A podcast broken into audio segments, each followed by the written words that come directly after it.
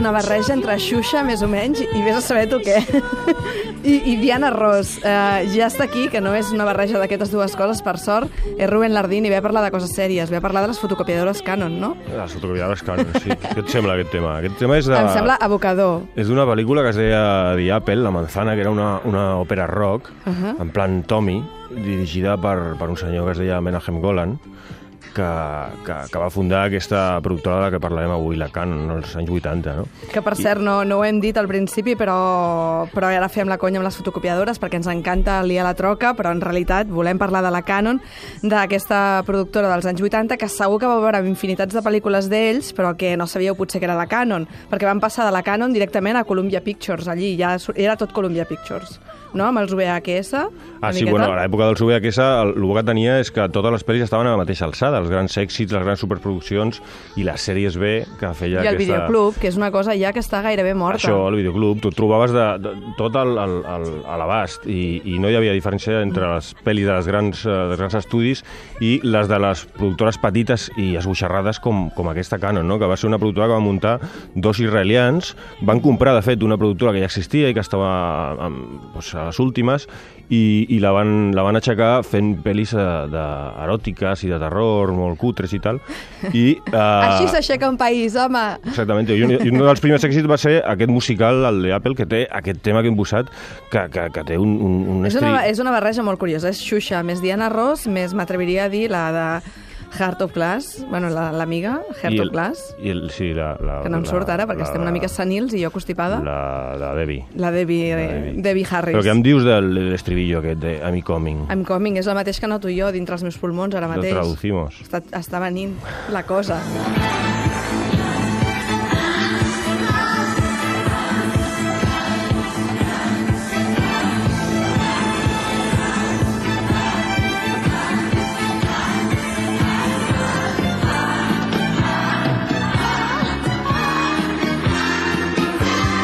Ja sabem què li passava a aquesta noia, no s'havia deixat l'entrepà de mortadela a casa, sinó que estava corrent, no?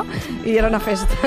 Bueno, pues Ho està dient ella, no? Sí, sí, ho Ai, diu jo ella. no ho dic jo, I'm No? coming. Ho diu Però jo em pensava que s'havia deixat alguna cosa a casa i deia, espera't que ara vinc, però no. Es que aquestes pelis no se andaban con chiquitas, o sea, lo que de decir se decía, ¿no? Ràpid. Ràpidament, sí.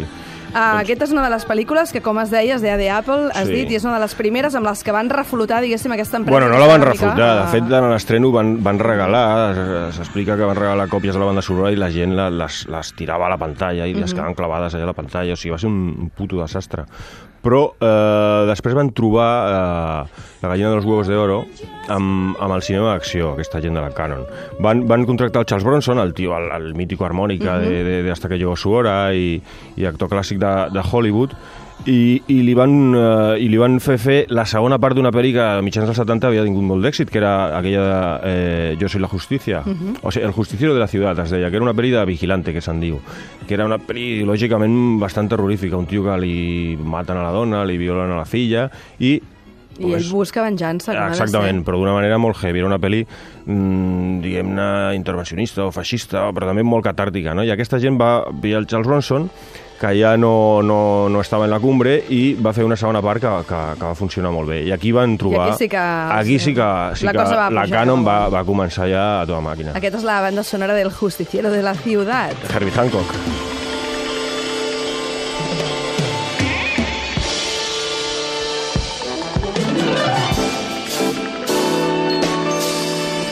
Però escolta, quina classe, eh, per fer coses així una mica de sèrie B, eh? Com quina classe? Per què ho dius? Quina classe, vull dir, Herbie Hancock, aquesta música és una passada. Ah, sí, bueno, Herbie Hancock, No? Charles Bronson i després Chuck Norris. Perquè un altre Imagina't. dels èxits de- d'aquesta penya va ser... Eh, el que van fer eh, en aquesta maniobra van agafar un tractament que corria per les oficines de, per, per, com a projecte de Rambo, perquè era l'època en què havia triomfat a Corralado, i van dir, hòstia, anem a fer una pel·li, una pel·li amb això, però no amb l'Estalone, perquè no ens no ens el podem permetre, i agafarem aquest tio, el Chuck Norris. Que no està y mal. farem Desaparició en combate. Esto será un exitazo tremendo. Y será eh, funcionaven amb tal entusiasme que estaven fent la primera i van dir, vamos a fer la segunda, i les van fer de cop les dues juntes, no? I després van dir, hòstia, ens ha sortit millor la segona. I van estrenar la segona primer, i després va estrenar la primera, i es va vendre com a, com a preqüela. Bueno, el cas és que va funcionar Bueno, que tenien molta gràcia i que van saber pillar doncs, els del moment. Chuck Norris, eh, aquest altre que deies, vull dir... Charles Bronson. O sigui, tot, tot el millor de cada casa. Eso es. I després, a més a més, va haver com superestrelles fins i tot, no? Bueno, aquests eh, ja eren superestrelles, però després van venir moltes més. Més? Sí. Encara? Encara. És possible? És possible.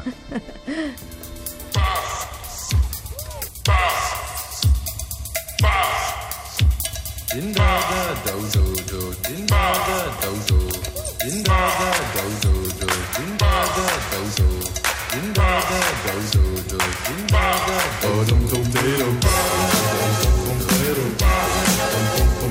clar, algú pot pensar amb el que estem dient que aquesta productora, la Canon, doncs, que només feien això, doncs, a pel·lícules d'aquestes que veies en doble sessió als anys 80 al, al, al cine del teu poble. Però no, van fer més coses, la Canon. Bueno, bàsicament eren tots CDs B, però de tot tipus, de tots els Mhm. pals. O sigui, això que sentíem ara era la banda sonora d'Electric Boogaloo. No sé si te'n recordes. No me'n recordo. No? Perquè No. ets molt jove. Però això era la seqüela de Brick Dance. Dance, de l'any 84, que va sortir a, a, a la vegada que és Beat que Street, tenia que eren... 5 6 anys, jo, no, és molt poc. Claro, yo estaba ya- yo tu ja estaves ja dando en les calles, no? Exactamente.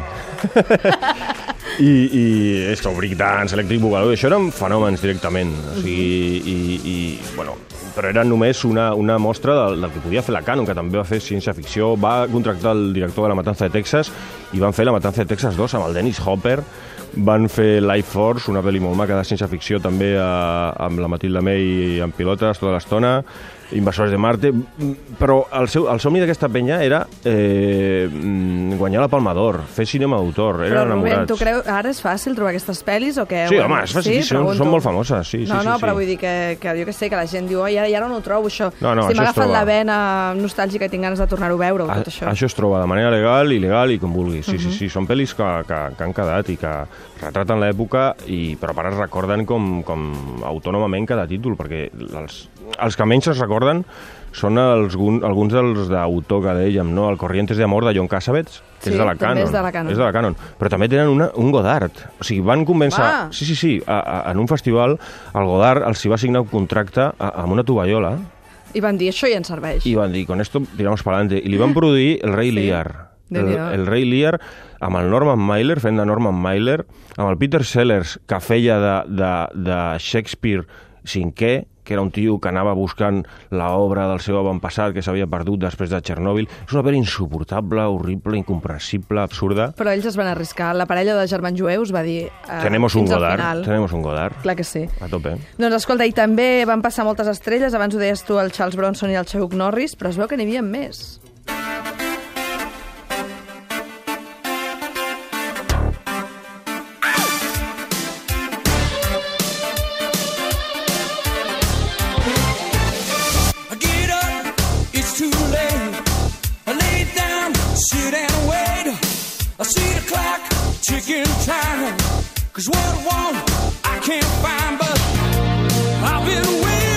Aquesta Tina Turner, venida más, és una és- Tina Turner, però no, home, no, no, Frank Stallone. Frank però- Stallone, molt Tina Turner, això. El hermanísimo. Això era la banda Sí. sonora de- d'una cançó que estava la banda sonora de Joel Halcón, que tampoc la recordaràs perquè... Aquesta sí, aquesta sí. Sí? La tenia nube, aquesta. Mira, això és del 87. Sí, sí, I això és al·lucinant, perquè aquí sí que van aconseguir pagar. De fet, van rebentar els pressupostos i van pagar, no sé si 15 milions a l'Estalone, quan, quan una estrella cobrava 4 o 5, per fer una pel·li d'acció brutal, que en teoria era aquesta. Jo li tinc molt bon record en aquesta pel·li. Era una pel·li de pulsos. Sí, de que els pa el, hi ha un pare i un fill, no? Ja, però, però, però el concepte és havia de absurd. recuperar l'amor a través de, de, fer, de fer polsos amb el seu fill, no? Però, però volien, sí, però volien fer un Rocky, a un Rocky tens un combat, eh, un assalt, el segon, el tercero, tal, hi ha una emoció, aquí era... ah, Bum! Polir cera, no? Polir cera... Una pel·li de polsos no, no, no, no pot anar en joc, però bueno, els tios la van fer, òbviament la pel·li va ser un fracàs tremendo. Però bueno, ells tenien la seva pel·li amb l'Estalone, també havien col·laborat en una anterior, que era la de Cobra, que aquesta és més recordada. Però bueno, va passar per la Canon, va passar eh, la, la Boderek, va fer Bolero, que sortia rejoneando en pilotes també, Eh, aquella pel·li es va rodar a Espanya i, i estava l'Anna Obregón, fins i tot, fixa't. Déu meu. Després I ens podem van, morir. van, van, amb la Sharon Stone van fer una explotació d'Indiana Jones, molt maca. La Sharon Stone l'odiava tot l'equip. Deien que hi havia una escena que la tiraven a, en una olla allí de los caníbales o no sé què, i, i tot l'equip es va pixar dins l'olla perquè sabien que s'havia de, s'havia de ficar després la Sharon Stone, que no la suportaven. Clar, després s'ha operat per culpa d'això, està claríssim. Bueno, no sé, a mi em cau molt bé la Sharon Stone, però bueno.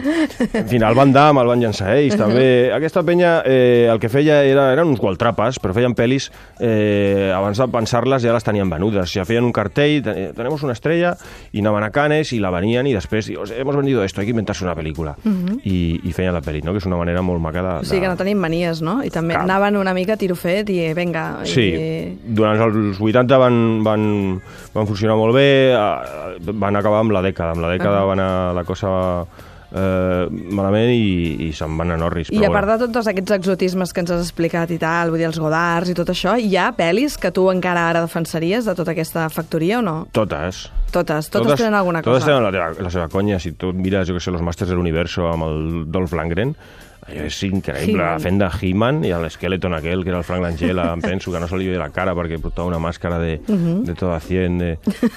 Totes tenen la, la seva conya. I la, inclús les que no van fer, perquè volien fer, per exemple, un Spider-Man, que jo, bueno, donaria el que fos per veure l'Spider-Man de la Canon, no? I al final no el van fer, no? va es va fer, quedar, es va no quedar va mitges fer, la cosa. No es va fer, no es va fer. Quines malles. Superman sí, sí. 4 van fer també. Això sí, eh, una de les pitjors pel·lícules de Superman. Perquè No? no? tenien un pressupost, però a última hora vam dir "A veure, ho farem servir només la meitat, perquè l'altra meitat Ja. ens fa falta per, per, un, per Per uns agujeros que tenemos por ahí. I llavors la pel·li va sortir amb els efectes especials a mitges i tal, i el vuelo tròspido aquell, i el Superman... I... Però Doncs, bueno, eh, Escolteu, oients, ja sabeu d'on surt totes aquelles pel·lis que heu vist alguna vegada, allà un dissabte a la tarda, doble sessió, i ja sabeu d'on surten, surten de la Canon. Avui hem fet una mica de viatge per aquesta antiga productora, amb l'excusa una mica ens l'hem tret de la màquina, de la màniga i de la màquina, Sí. que aquests dies es pot veure aquesta pel·lícula dels Coen de, del Cèsar, no? que és un homenatge a les pel·lis dels anys 50, Sí, però, però tu has portat aquí a, al moment... No té res a veure, la dels Coen eh, parla del, del cinema del De Hollywood, Hollywood. dels estudis i tal, però sí que hi ha un cameo que no es veu de, del, mira, d'aquí parlàvem, del Dolph Lundgren, surt allà com, com a Es tanca un cercle, roja. ho tenim. Pues ja està. Doncs moltíssimes gràcies, Rubén Lardín. Fins aviat, a, a tope. Adéu, a tope.